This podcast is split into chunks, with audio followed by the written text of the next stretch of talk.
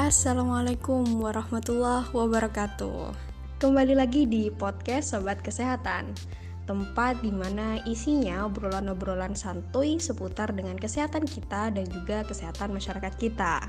Yap, dan pastinya kita kupas berdasarkan perspektif kesehatan masyarakat. Iya kan? Oh iya dong, pastinya. By the way, anda ini siapa ya? Kenapa tiba-tiba Anda muncul di sini? Oh iya, belum kenalan ya.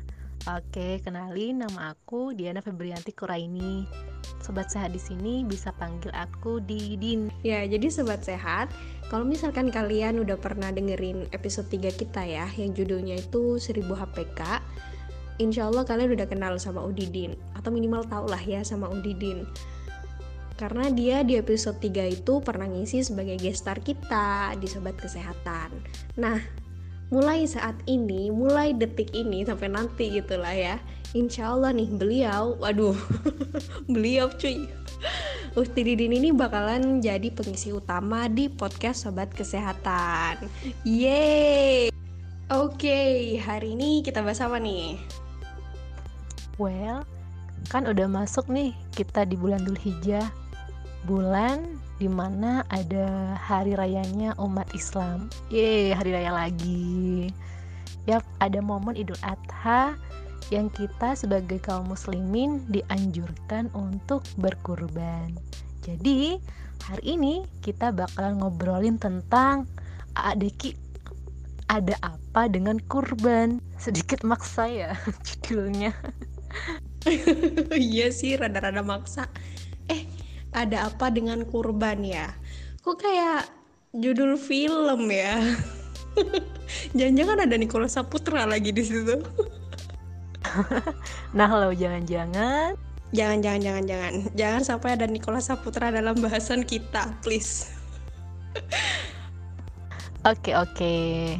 eh by the way ada apa dengan kurban ada banyak banget yang perlu untuk kita bahas tentang kurban. Karena kurban ini nih uh itu tuh salah satu amalan yang spesial banget. Jadi dia itu beki B bukan kurban biasa. Waduh maksa lagi ya nggak apa-apa. Nah kenapa dia spesial? Karena ternyata eh, pahala dari kurban ini besar banget. Bahkan nih ya setiap helai bulu dari hewan kurbannya itu dibalas dengan kebaikan yang berlipat ganda. Dan juga nih uh, hewan korban itu tuh persembahannya itu tuh sama Allah tuh udah diterima. Bahkan sebelum darah hewan kurban itu tuh menetes ke tanah. Waduh saking besarnya pahala kebaikan dari amalan kurban ini. Jadi penting banget untuk kita memberikan yang terbaik. Mulai dari tahap persiapannya kemudian tahap penyembelihannya bahkan tahap keperawatannya tahap distribusinya dan juga tahap pengolahan dari hasil kurban tadi. Begitu. Nah, dari setiap tahapan yang anti sebutin barusan itu memang ada prosedurnya ya kan? Semuanya biar aman, terutama buat kesehatan kita, manusia. Apalagi pada masa pandemi sekarang ini, tentunya berbeda dengan kurban tahun-tahun sebelumnya. Nah, itu dia tuh yang penting banget yang bakalan kita bahas hari ini ya, Uh. Keren banget kan anak Kesmas.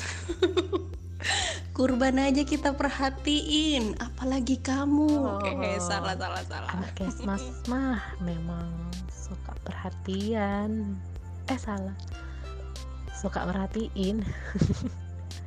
eh, eh terus terus gimana nih uh, tentang prosedur yang barusan anti bilang itu jelasin dong detailnya jadi sebenarnya ada tiga prinsip utama uh yang yang perlu kita pegang gitulah ya dalam proses kurban ini. Yang pertama pastinya harus memenuhi syarat-syarat syar'i. Kemudian yang kedua, proses kurban yang kita lakukan itu harus memperhatikan animal welfare atau kesejahteraan hewan, hewan kurban ya, bukan hewan peliharaan. Dan yang ketiga, prinsip ketiga itu pastinya proses kurban kita itu harus memperhatikan kesehatan lingkungan. Dan semua ini nih itu udah diatur dalam sebuah peraturan menteri Pertanian yaitu di Peraturan Menteri Pertanian nomor 114 tahun 2014 tentang pemotongan hewan kurban.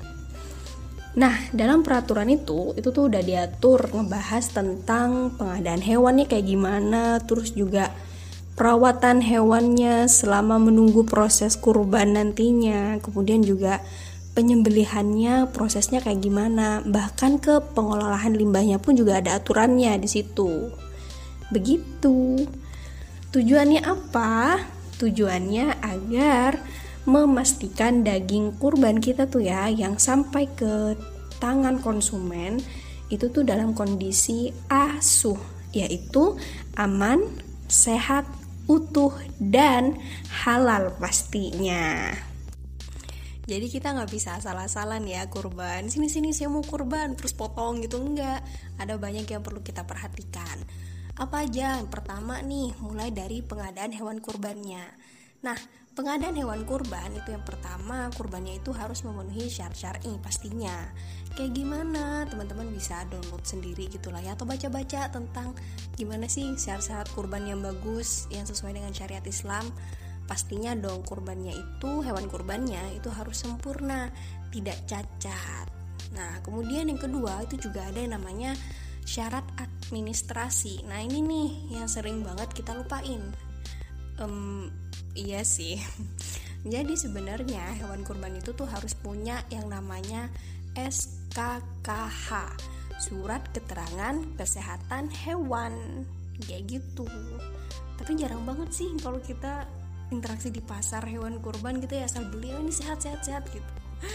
Jadi jarang banget sih ada SKKH ini. Tapi ini sebenarnya direkomendasikan begitu Selain itu juga kita perlu memperhatikan alat angkutnya. Karena kan biasanya kalau kita beli kurban gitu ya Itu kan biasanya dibawa, diangkut gitu kan ya. Entah itu naik mobil lah atau naik motor Ada juga sih naik motor.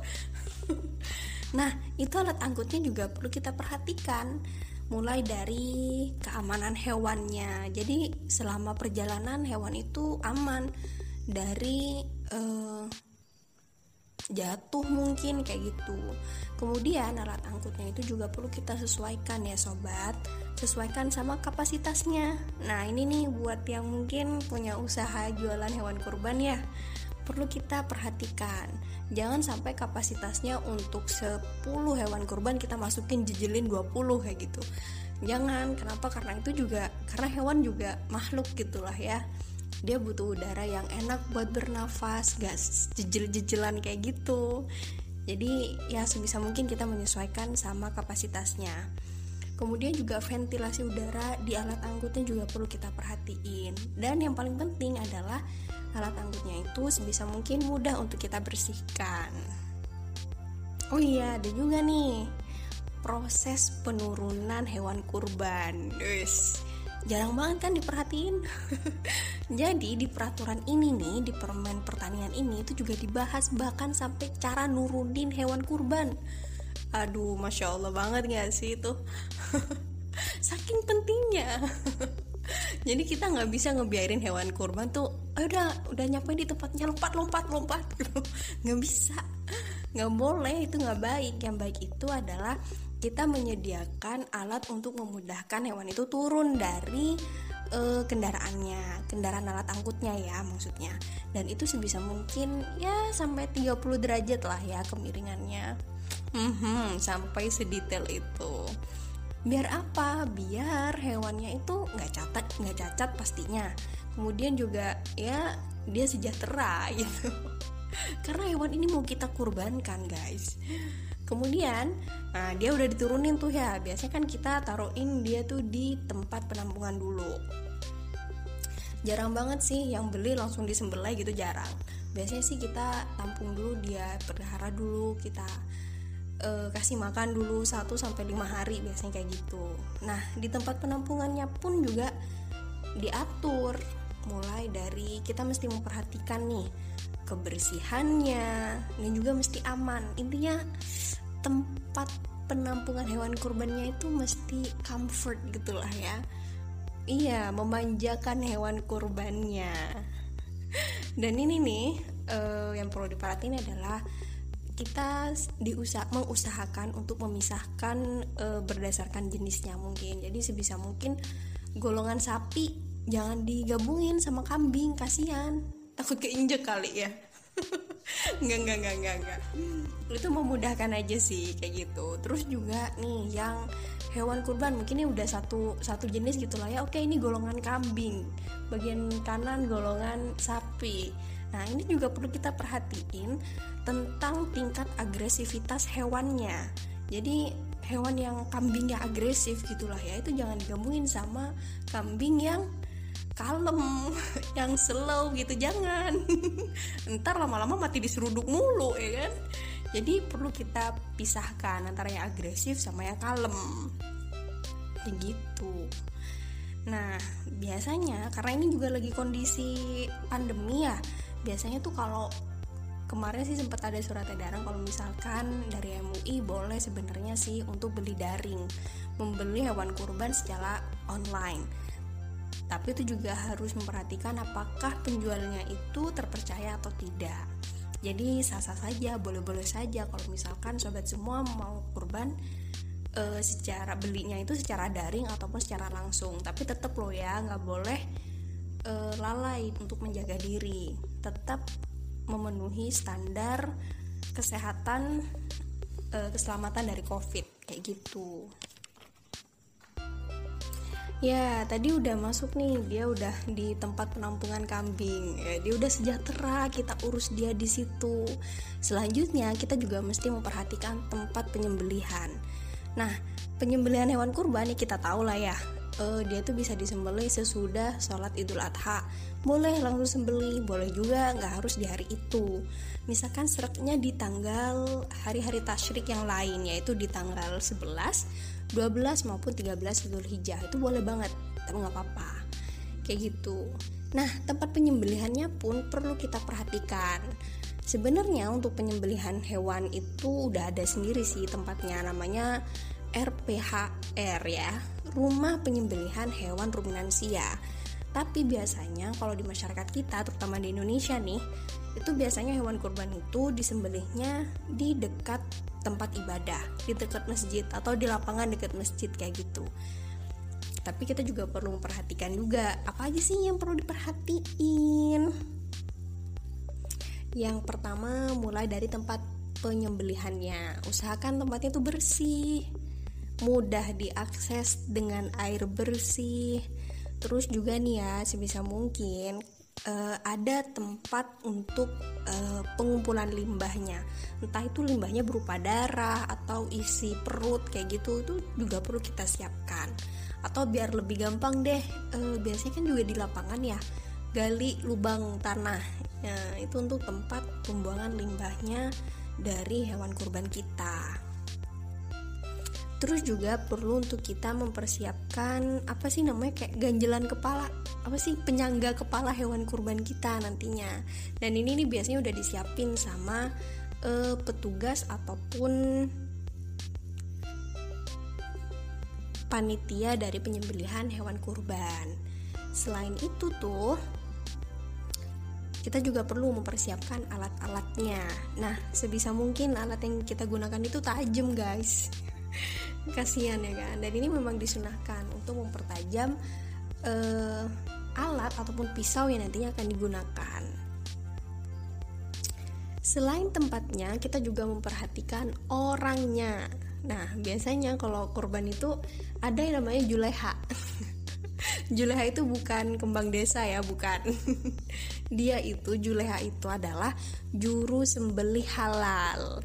Jadi kalau sobat semua mau ini, mau apa? Mau kurban, boleh banget pakai jasanya si Juleha ini. Nah, Juleha ini, juru sembelih halal ini tuh udah dapet pelatihan kayak gimana sih seharusnya memperlakukan hewan kurban ketika disembelih dan segala macamnya tuh udah uh, udah apa ya kayak semacam tersertifikasi lah kayak gitu. Nah itu kalau mau pakai juleha tapi boleh juga nggak pakai juleha. Misalkan di tempat kalian nggak ada juleha nggak apa-apa pakai yang lain nggak harus juleha. Yang penting itu tadi ya memenuhi syarat syar'i. Muslim, balik dan pastinya terlatih dalam proses memotong hewan kurban. Karena rada-rada susah kayaknya sih kayaknya sih ya karena ini cuma pernah lihat doang nggak pernah nyembelih. Kayak gitu nah ketika proses penyembelihan itu udah diatur juga cuman aneh nggak jelasin lebih lengkapnya kayak gimana gitulah ya. Ya nggak jauh beda lah sama proses menyembelih seperti biasanya kayak gitu. Dan karena ini juga lagi masa pandemi perlu diperhatikan juga nih kalau sobat-sobat mau kurban nih ya. Atau mungkin dari kalian ada yang panitia kurban di masjid sebelah rumahnya gitu. Perlu untuk memperhatikan protokol COVID-19 apa aja mulai dari yang pertama cuci tangan sampai bersih pakai sabun dan air mengalir. Selain itu boleh pakai hand sanitizer nggak? Boleh boleh biar harum. itu mah tambahan ya. Kemudian juga jangan lupa pakaiannya harus yang bersih. Jangan sampai pakaiannya kemarin, ini kan cuma mau motong daging kurban doang. Nggak boleh, sebisa mungkin tuh harus yang bersih. Kemudian juga jangan lupa pakai celemek juga, kayak gitu. Oh iya, pakai masker juga. Dan kalau bisa nih disediakan ini ya face uh, shield itu. Terus juga maskernya mungkin bisa disediakan juga. Seperti itu. Hingga akhirnya di proses sembelih itu harus memperhatikan animal welfare. Nah selama proses penyembelihan artinya mau menyembelih gitu ya itu juga ada beberapa hal yang perlu diperhatikan. Dan ini sudah tertuang dalam sunnah-sunnah yang diajarkan oleh Rasulullah. Kayak yang pertama nih uh, sebisa mungkin kalau uh, menajamkan pisaunya tuh jangan di depannya hewan kurbannya. Aduh scary banget kan tuh kenapa hal itu nggak nggak boleh dilakukan? Karena ternyata hewan tuh bisa stres juga. Kalau misalkan mau menghadapi kematiannya. Bisa bayangin nggak sih kalau misalkan kalian jadi tuh hewan terus kalian tahu kalian mau dikurbankan hari itu dan kalian ngeliatin pisaunya diasah di depan kalian itu kan makin horor ya. Itulah kenapa eh, nggak uh, boleh uh, disyariatkan agar tidak menajamkan uh, apa tuh pisaunya di depan hewan yang akan kita sembelih. Jadi lebih baik uh, hewan kurbannya kita nyembelihnya dia nggak kelihatan sama hewan kurban. Kayak gitu. Karena bi mereka bisa stres. Dan ternyata stresnya ini nih teman-teman bisa uh, search sendiri ya. Ada banyak banget penelitian bahwa tingkat stres dari hewan itu juga berdampak pada kualitas daging mereka karena ternyata ketika hewan itu stres itu tuh bisa mempengaruhi adrenalin mereka. Nah adrenalin ini itu mengganggu uh, proses metabolisme glikogen yang ada di dalam otot hewan itu. Nah kalau ini terganggu itu bisa menyebabkan daging hewan kurbannya itu yang stres gitulah ya sebelum dia uh, dikurbankan itu tuh bisa berwarna kehitaman dan itu kurang bagus Masya Allah kece banget kan? Dan sebisa mungkin ketika kita menyembelih hewan kurban itu dihadapkan ke arah kiblat kemudian juga tidak terlihat oleh calon hewan kurban lainnya gitu. Agar ya itu tadi untuk um, kita memperhatikan psikologis mereka juga. Masya allah gitu. Udah nih kita udah sembelih mereka. Saatnya kita potong-potong udah dipotong-potong udah kita pisahin ya antara daging sama uh, jeroannya nah bungkus-bungkus kan? Nah bungkusnya ini usahakanlah untuk menggunakan uh, tempat atau bungkus yang ya ramah lingkungan lah ya sebisa mungkin. Bisa pakai apa kok yang bisa ramah lingkungan tuh? Yang pertama bisa banget tuh kita milih besek. Boleh tuh ya kemudian yang dari bambu tuh loh. Kalau nggak punya itu kalau nggak bisa pakai itu karena terlalu mahal. Boleh banget pakai daun. Daun tuh banyak banget yang bisa kita pakai. Mulai dari daun pisang bisa kan kita pakai itu. Daun jati nah tuh. Jadi lebih gampang juga kan aman juga buat lingkungan kita. Apakah boleh pakai plastik? Eh uh, uh, uh, boleh sih tak menunjuk rasa saya kalau nggak bilang kalau bilang nggak boleh. Sebenarnya boleh pakai plastik tapi usahakanlah plastiknya itu yang digunakan tuh uh, plastik yang mudah terurai atau degradable. Atau juga boleh pakai yang biodegradable ya itu jauh lebih bagus. Jadi tetap dong kan kita sayang lingkungan kita katanya nggak mau nyampah. Gitu. Nah udah kita bungkus tuh ya pakai daun atau pakai besek tadi barulah kita distribusikan. Nah pendistribusiannya tuh sobat semua usahakan juga sesegera mungkin. Dan kalau bisa tuh sebelum 4 jam sesudah penyembelihan. Karena apa? Biar dagingnya itu segar. Begitu. Dan yang nggak boleh lupain juga adalah pengelolaan limbahnya. Nah ini nih yang sering kita lupain. Terutama nih buat yang pernah jadi panitia kurban ya Kenapa? Karena biasanya kalau darah biasanya sih uh, ini ya, biasanya kan pakai apa tuh? Hmm, kita gali tanah gitu di tempat ketika mau menyembelih kurban. Nah, jangan lupa itu tuh ditutup pakai tanah lagi. Dan kalau di peraturan menteri tadi tuh yang nomor 114 itu tuh disarankan sebelum kita mengubur eh, limbah-limbah hewan kurban tadi itu diusahakan untuk ditaburi dengan kapur dulu. Hmm, meskipun anda juga belum tahu sih ya kenapa mesti ditaburin kapur? Mungkin sobat semua tahu nanti bisa share ya. Nah selain itu yang juga sering dilupakan adalah ketika membersihkan isi perut dari hewan kurban kita. Biasanya ada tuh yang ngebersihinnya tuh ke sungai. Aduh itu bah itu lebih baik dihindari ya. Sebisa mungkin kalau bisa itu dikubur juga sekalian gitu limbah-limbah dari hasil yang dibersih e, pembersihan bagian perutnya hewan kurban nah, itu juga sebisa mungkin ditimbun juga dalam tanah karena itu juga penting. Dan usahakan tempat menimbun limbah tadi itu jaraknya agak jauh dari badan air kayak gitu. Jangan-jangan nyampe ah di sebelahnya ada sumur kan bahaya. Jadi pindah ke sumur itu deh kayak gitu uh mungkin itu ya untuk persiapan dari uh, persiapan hewan kurban penyembelihan prosesnya sampai pengelolaan limbahnya. Setelah itu baru deh kita bisa nganterin daging hewan kurban kita ke tempat orang yang bakalan kita kasih daging kurban. Agar mereka bahagia dan ye dapat hewan kurban bahagia banget. Yang ditunggu-tunggu mah itu. Iya dong. Kayak kita pernah merasakan itu ya? Oh iya uh, baik juga sih yang nanyain ke aneh. Sebenarnya daging kambing itu aman gak sih gitu? Maksudnya kan uh, mereka katanya banyak banget yang komen ah itu mah nggak bagus buat kesehatan kayak gitu. Sebenarnya gimana sih? Kok kayaknya rada-rada bertentangan gitu antara uh, syariat kurban ini sama kesehatan. Sebenarnya gimana sih? Seharusnya bisa sharing mungkin lah ya ke kita kita ke Ane dan juga sobat sehat di rumah. Mumpung anti kan ini dari gizi masyarakat terus yuk gimana gimana gimana gimana nih Oke, kita bakalan sharing itu sepanjang dan sependek pengetahuan yang aneh miliki ya. Tapi sebelum kita bahas itu, uh, sebelumnya kita harus yakin pada diri kita sebagai kaum muslimin, sebagai umat Islam ya.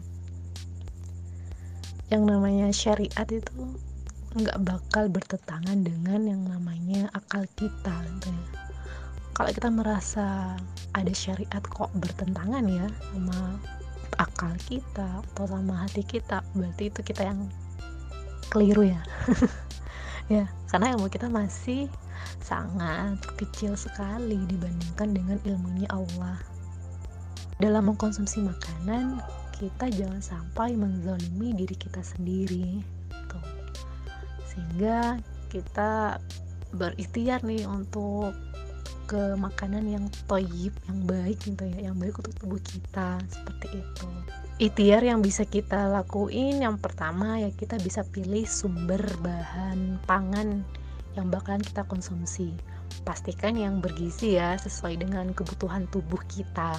Tuh. Yang kedua, gimana cara kita mengolah pangan tersebut ya pastikan dengan olahan yang sehat yang menjaga zat gizi yang terkandung dalam bahan pangan itu tetap ada. Kolesterol yang ada pada daging kambing kurban itu ya yang sering banget kita khawatirin ya. Ya sebenarnya nggak cuma ada pada daging kurb daging kambing aja tapi di jenis hewan kurban lainnya. Uh, sapi domba kerbau juga ada kayak gitu. Hmm gitu ya dengerin sob. Ini juga baru tahu sih ya. Ini sebenarnya kolesterol atau lemak itu pasti ada dari setiap produk daging gitu ya. Mau daging kambing, sapi, kerbau, unta semuanya ada. Jadi nggak perlu khawatir. Kayak gitu. Emang sebenarnya kandungan gizi dari daging sendiri tuh apaan sih uh memang yang perlu kita kasih perhatian lebih nih ya kandungan lemak dan kolesterol pada daging merah tadi gitu ya daging kurban yang kita terima gitu. Namun selain lemak dan kolesterol yang terkandung pada daging kurban tentunya di daging merah tersebut ada banyak zat gizi lainnya yang tetap dibutuhkan sama tubuh kita ada vitamin dan ada juga mineral yang penting banget buat tubuh kita. Apalagi vitamin dan mineral dan zat gizi lainnya yang berasal dari uh, produk hewani punya mutu gizi yang lebih baik gitu ya. Kualitasnya lebih baik gitu. Lebih mudah dicerna dan jumlahnya juga lebih banyak. Ini keunggulannya mereka nah sobat sehat semua bisa tahu bisa lihat kandungan gizi dari pangan daging kurban yang kita dapetin nantinya ya. Kambing sapi kerbau atau domba bisa teman-teman cek nanti di ada yang namanya tabel komposisi pangan Indonesia.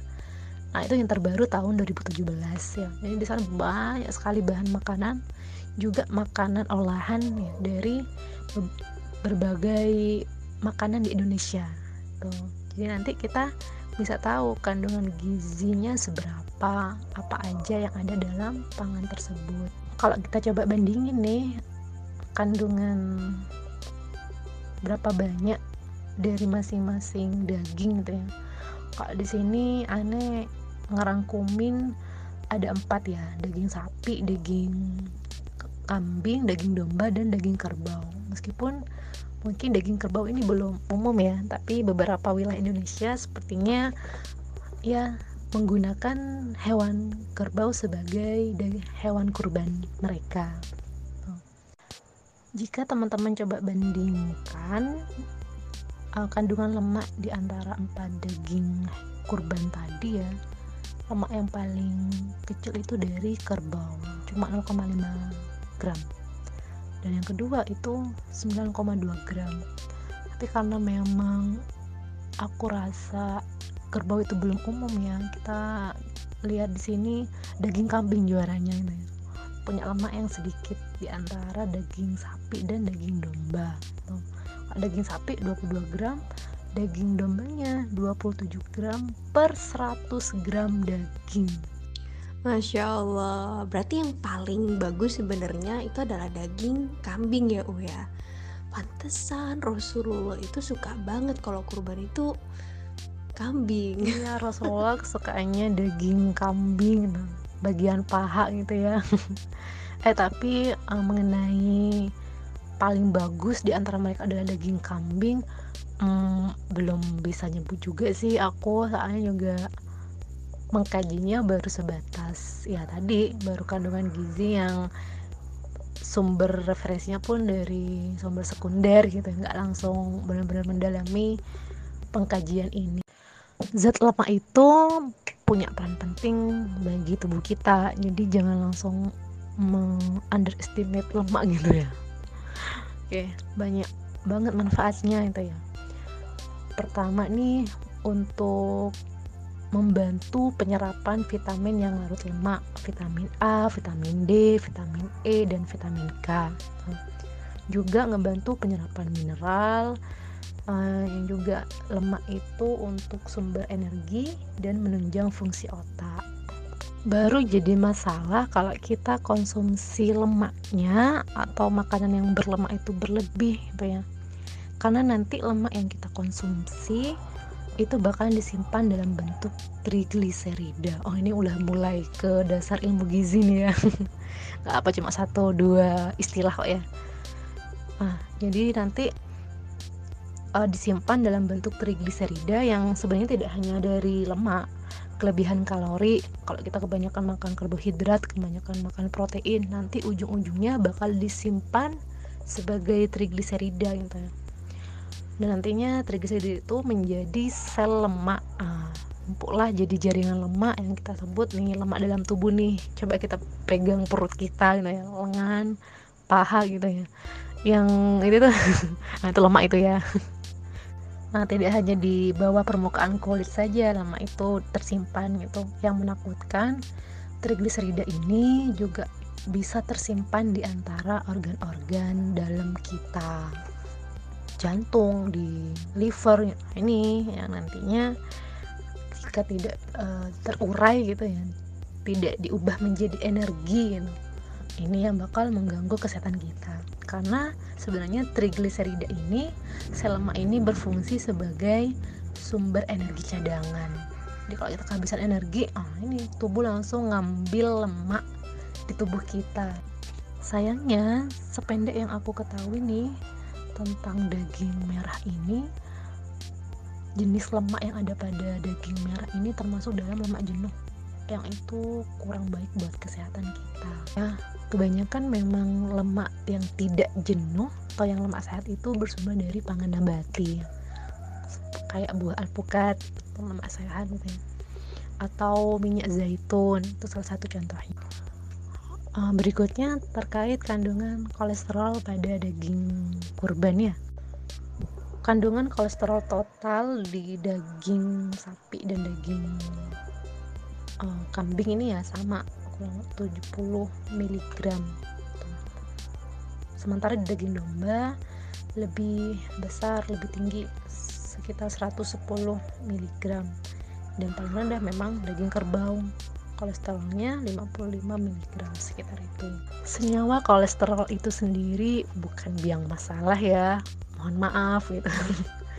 Karena senyawa kolesterol itu ya salah satu produknya Allah juga gitu. Yang jadiin dia sebagai sumber masalah gitu ya kita kan manusianya gitu. Milih tetap menjaga kolesterol dalam darah kita normal gitu atau terus makan yang enak banget sesuai nafsu kita gitu ya. Sehingga kita nggak sadar gitu nyebabin kolesterol dalam darah kita tinggi di melewati batas normal yang sudah dianjurkan. Kalau udah melebihi batas normal gitu terus siapa dong yang jahat kolesterolnya atau kita sebagai manusianya jahat jahat ke diri kita sendiri. Hmm, sama-sama beb ini juga ngingetin ke diri sendiri. Jangan cuma ngilmu aja gitu ya. Harus diamalin juga ya Allah. Gimana kita ngontrol asupan kolesterol dalam makanan kita gitu ya? Kalau kita tahu kolesterol yang ada pada makanan itu nanti akan menjadi dua jenis kolesterol yang biasa disebut masyarakat ya ada kolesterol baik dan kolesterol jahat si kolesterol jahat di tubuh dalam bentuk LDL atau low density lipoprotein sementara si kolesterol baik dia dalam bentuk HDL atau high density lipoprotein. Semuanya sama-sama lipoprotein, bedanya dari kekentalannya. Kenapa sih HDL ini disebut dengan kolesterol baik? Hmm, mudahnya sih ya yang aneh pahami gitu yang aku pahami. Jadi fungsi dari HDL ini si kolesterol baik dia akan membawa kolesterol dari bagian tubuh gitu ya kembali ke rumahnya kembali ke pabriknya. Apa pabriknya? Organ liver kita organ hati kita itu nantinya kolesterol yang berlebih tadi itu akan dipecah dicerna gitu ya di metabolisme dan lanjutnya dihilangkan dalam tubuh. Sama si organ hati nanti kolesterol yang udah dikirim sama HDL ini bakal dibuang dieskresi dari tubuh kita sehingga kadar kolesterol dalam darah tetap dalam batas normal. Normalnya itu di bawah 200 nah sementara si kolesterol yang kita sebut kolesterol jahat LDL tadi ya kenapa sih kok disebut jahat nah, jadi karena kekentalannya yang lebih tinggi gitu ya pergerakannya tuh lebih lambat daripada si HDL gitu ya. Jadi kayak LDL nih lebih suka jalan santai di peredaran darah kita gitu ya.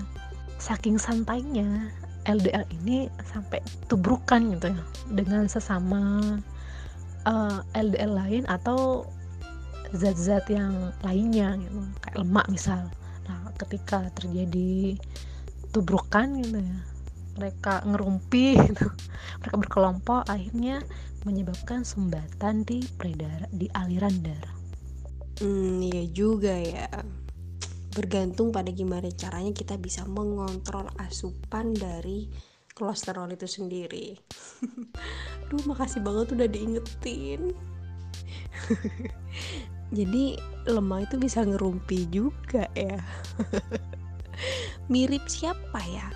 Kalau awalnya niatnya jogging terus makin lambat makin lambat eh ngerumpi. Nah itu kebiasaannya LDL ya enggak uh ya kita analogikan kayak gitu ya biar uh, mudah ada gambaran gitu. Mereka ngerumpi mereka bikin kelompok gitu ya karena makin besar kan sumbatannya semakin besar sehingga menyumbat pembuluh darah tuh Akibatnya, aliran darah yang membawa oksigen akan terganggu. Nah, jika yang terjadi itu pembuluh darah yang memasok darah ke jantung, maka akibatnya bisa fatal jika terus berlanjut ini ya tanpa ada proses perbaikan dari pembuluh darah itu sendiri gitu. Akibatnya nanti otot-otot jantung sel-selnya akan kekurangan oksigen. Dan akhirnya atau jantung itu mati sehingga terjadilah serangan jantung. Dan ujung-ujungnya nanti menyebabkan penyakit jantung. Serem kan kalau udah mikirin kayak gini? Ya Allah gitu. Makanya kita imbangi konsumsi LDL itu dengan konsumsi HDL nah konsumsi HDL bisa kita dapetin dari sumber-sumber uh, yang pangan nabati Nah, supaya kita dapetin zat gizinya itu, protein yang tinggi, juga vitamin dan mineral yang penting buat tubuh kita, kita butuh banget nih memperhatikan penyimpanan dagingnya sebelum kita konsumsi ya. Biasanya kan setelah dapat daging kurban saking banyaknya gitu ya, sering kali kita nggak langsung dimasak semuanya, ya nggak sih? Masya Allah itu. Iya, masya Allah, bener banget tuh. Kan masyarakat kita baik-baik ya banyak yang berkurban jadi kita dapat daging kurbannya banyak seneng banget kan dapat daging kurban banyak gitu ya tapi kita harus mastiin daging kurban tersebut tetap akan dikonsumsi sama kita dan keluarga kita gitu. Dan juga pastikan nanti kualitasnya tetap terjaga. Nah kualitasnya terjaga ini bisa kita pertahankan dari cara penyimpanannya yang benar gitu. cara nyimpannya gimana? Ini diolah dari berbagai sumber. Ini yang pertama itu ya. Pastikan dulu tangan kita bersih dari kuman. Cuci tangan pakai sabun dan air mengalir setelah itu kita rencanakan simpan daging per porsi masak. Jadi nanti enak ngambil dari kulkas gitu ya. Uh, satu porsi satu kali makan aja. Karena nanti ketika daging yang kita simpan itu keluar masuk keluar masuk freezer ya akan menurunkan kualitas dari kandungan gizi daging itu sendiri setelah kita rencanakan dan potong sesuai dengan porsi masak kita gitu ya pastikan motongnya jangan terlalu kecil ya, karena akan memberikan ini ya kesempatan buat kuman tuh nempel ke daging makin banyak gitu. setelah dipotong dengan ukuran yang cukup besar gitu, satu kali porsi makan tadi uh, selanjutnya kita masukkan dalam wadah plastik yang longgar ya atau wadah makanan yang padat yang bisa nutup rapat nantinya itu pastikan jangan pakai plastik yang warna hitam karena warna hitam itu dari hasil daur ulang. Daur ulang material sampah plastik yang mengandung karbon yang jelas berbahaya bagi kesehatan kita. Uh, berikutnya setelah disimpan dalam wadah itu ya. Barulah kita masukkan ke kulkas. Simpan dulu di tempat paling bawah bisa. Yang penting jangan di bagian freezer. Dibiarkan di dalam suhu kulkas dulu biarkan dingin. Setelah itu sekitar 4 5 jam berikutnya barulah kita masukkan ke freezer. Nah kalau udah masuk ke freezer nih oh yang suhunya kurang dari 10 derajat insya Allah daging itu dapat bertahan lebih dari satu bulan Wah, Masya Allah, satu bulan ya, lebih lagi. Jadi masih bisa awet, masih bisa kita simpen sampai selama itu. Nah, udah nih, kita udah dapat daging kurban, terus udah kita lebihnya yang nggak mau kita pakai itu udah kita packing untuk per porsi gitulah ya. Terus kita udah masukin ke freezer oh nah terus kalau yang mau dipakai nih gimana sih cara ngolahnya? Yang bener dan baik ya. Jika sudah tidak membeku, maka kita harus segera memproses daging tadi ya, kita segera masak gitu. Karena terlalu lama di suhu ruang itu bisa berbahaya bagi si daging, bisa jadi tempat ideal pertumbuhan dari bakteri, perkembangbiakan dari bakteri yang berbahaya. Nah, dilanjutkan dengan kita masak. Setelah dimasak, kita pisahin dulu lemak-lemak yang ada di daging itu usahakan tidak usah menggunakan lemak yang ada pada daging tersebut ya selanjutnya bisa kita rebus olahannya gitu ya hindari dibakar karena beresiko menambah zat karsigenik penyebab kanker digoreng hindari kalau bisa. Nah, karena juga nambah kadar lemak tubuh. Dimasak dengan santan boleh-boleh aja. Usahakan sekali makan gitu. Yang nggak baik ini diangetin diangetin diangetin gitu ya. Tuh selanjutnya lebih baik kita konsumsi masakan daging tadi itu ya yang direbus tuh dengan beras merah atau beras coklat atau umbi-umbian batasi konsumsi beras putih dan sobat sehat semua, pastikan ya kita tetap menerapkan prinsip gizi seimbang dalam mengkonsumsi daging kurban tadi. Tetap penuhi asupan gizi, buah dan sayur yang kaya akan serat ya, yang sangat baik untuk menurunkan kolesterol jahat. Karena serat itu dapat menyerap uh, kolesterol ya, jadi nggak jadi diserap tubuh tapi dibawa ke usus besar gitu ya dibuang sama tubuh kita. Mungkin ini dulu ya oh ya. Sharing dari aspek gizi kesehatan masyarakatnya gitu. gimana kita bisa mempertahankan dan dapetin gizi yang ada pada daging kurban tadi Masya Allah gitu ya. Meskipun cuma gitu tuh udah cukup kok uh. Terima kasih banyak Karena banyak hal-hal baru yang mungkin beberapa dari kita baru tahu oh gitu tuh fungsinya daging oh gitu cara penyimpanannya dan gitu juga cara ngolahnya. Dan ternyata dari daging kurban ini banyak banget kebaikannya ya. Jadi bukan jahat tapi tergantung pada kitanya. Gimana kira kita mengontrol konsumsi yang bagus. Ya enggak uh betul banget kita milih mau jadi manusia jahat buat tubuh kita sendiri atau enggak gitu kan Oh iya sobat sehat, satu lagi nih hampir lupa buat sobat yang punya pertanyaan, mau ngasih masukan, mau ngasih kritikan, bisa banget. Kalian bisa hubungi kita sobat kesehatan ya di IG kita ya, at sobat underscore kesehatan. Dan jangan lupa teman-teman untuk follow dan share ke teman kalian yang lainnya kalau dirasa ini bermanfaat ya. Oke? Okay? Ya, itu dia beberapa pembahasan terkait dengan kebaikan syariat kurban. Jadi, selain dia itu berdampak pada peningkatan kualitas ruhiyah atau keimanan kita, ternyata kurban juga membantu banget untuk kesejahteraan masyarakat kita, terutama dalam hal konsumsi daging untuk kesehatan.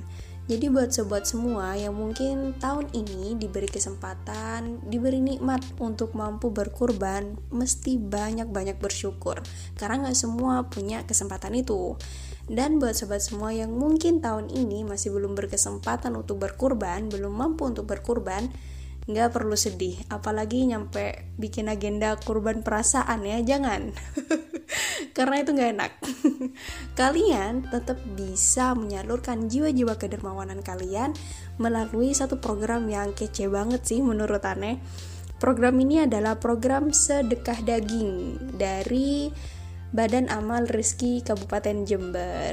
Jadi, misalkan kalian nih ya, cukup mendonasikan 25.000 aja, kalian udah bisa menyediakan satu daging yang nantinya akan didistribusikan oleh Rizky Jember kepada masyarakat yang kurang mampu yang ada di daerah kawasan Jember. Yang pastinya ke sampai-sampai ke daerah-daerah pelosok gitulah ya. Jadi gampang banget tinggal kalian transfer aja. Mungkin yang bukan domisili di daerah Jember transfer aja ke rekeningnya Rizky. Selesai. Kalian sudah ikut berpartisipasi menyediakan daging untuk masyarakat Indonesia di kawasan Jember. Untuk info lebih lengkapnya itu bisa kalian akses langsung aja ke IG-nya Rizky ya yaitu di @zakat underscore Rizky R I Z K I Oke, okay? manfaatkan kesempatan ini baik-baik. Mungkin itu aja yang bisa kita bagikan untuk episode kita kali ini. I know ini durasinya panjang banget, tapi semoga ini bermanfaat buat teman-teman semua ya. And see you on the next episode. Assalamualaikum warahmatullahi wabarakatuh.